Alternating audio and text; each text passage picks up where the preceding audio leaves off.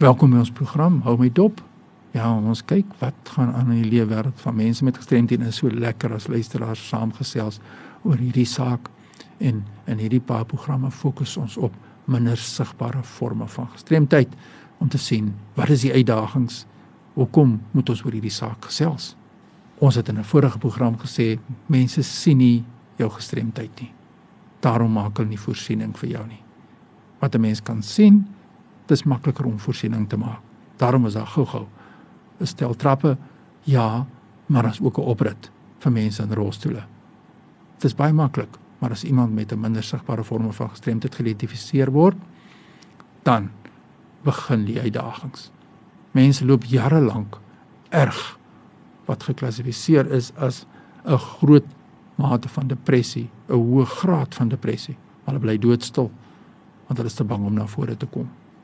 Wat sê die nasionale raad van en vir persone met gestremthede oor hierdie saak? Ek het gaan oplees en ons kyk daar sê die raad identify yourself as a person with an impairment that's not visible.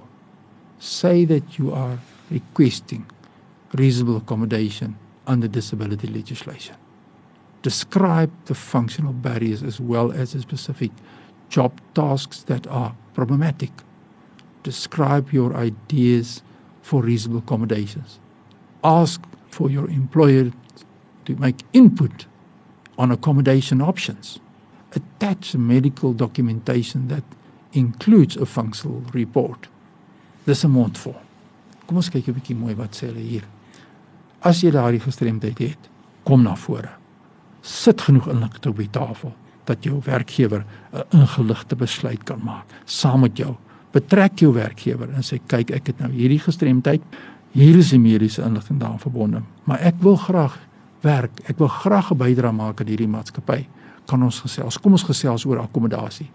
Ek het miskien depressie. Ek gebruik medikasie. Maar dit is so erg die depressie dat ek soms baie moeg word. As gevolg van die feit dat ek baie moeg word, wil ek graag vra of ek nie my periodes kan korter werk en per dag 'n bietjie rustyd in te bou nie. En dan is mense bang. Die werkgewer gaan sê: "Nee, nee, nee. Dit is nie aanvaarbaar nie. Ons kan nie vir jou tyd afgee om bietjie te breek. Jy vra dit onder redelike akkommodasie. Jy voel dit is redelik om dit te vra. Maar nou is daar dubbele standaarde.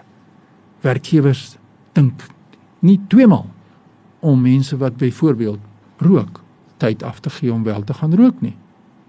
Hulle vat 'n uur lank per dag miskien deur rookbreuke. Want dan is dit aanvaarbaar want dit is 'n aanvaarbare norm om akkommodasie te bied tot sekere groepe. Maar nou vra jy Nou as jy bang, want daar is ook werkgewers wat sê nee. Want dit is 'n bietjie van dubbele standaarde nê. Ons leef in 'n wêreld in 'n werkplek waar ons gefokus is op akkommodasie, op redelike akkommodasie.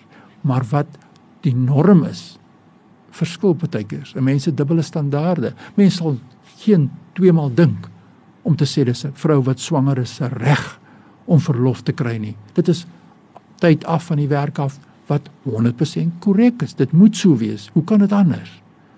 Maar wanneer dit by gestremdheid kom, dan is daar so 'n bietjie ander standaard en ander benadering hoe sommige werkgewers soms kyk na hierdie saak.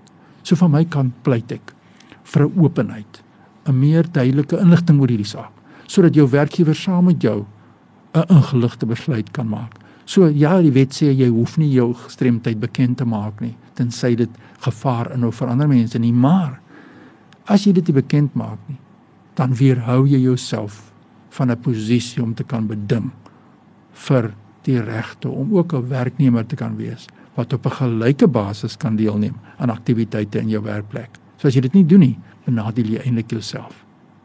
Indien jy twyfel en worstel met hierdie saak, wanneer moet ek nou na vore kom? Hoe moet ek na vore kom? Wat moet ek hier sê? Wat moet ek wanneer sê? Stuur 'n e-pos aan my. fani.dt by mweb.co.za. Daar gesels ons verder. Fani.dt by mweb.co.za. Ek sien uit na jou brief. Groetens tot 'n volgende keer.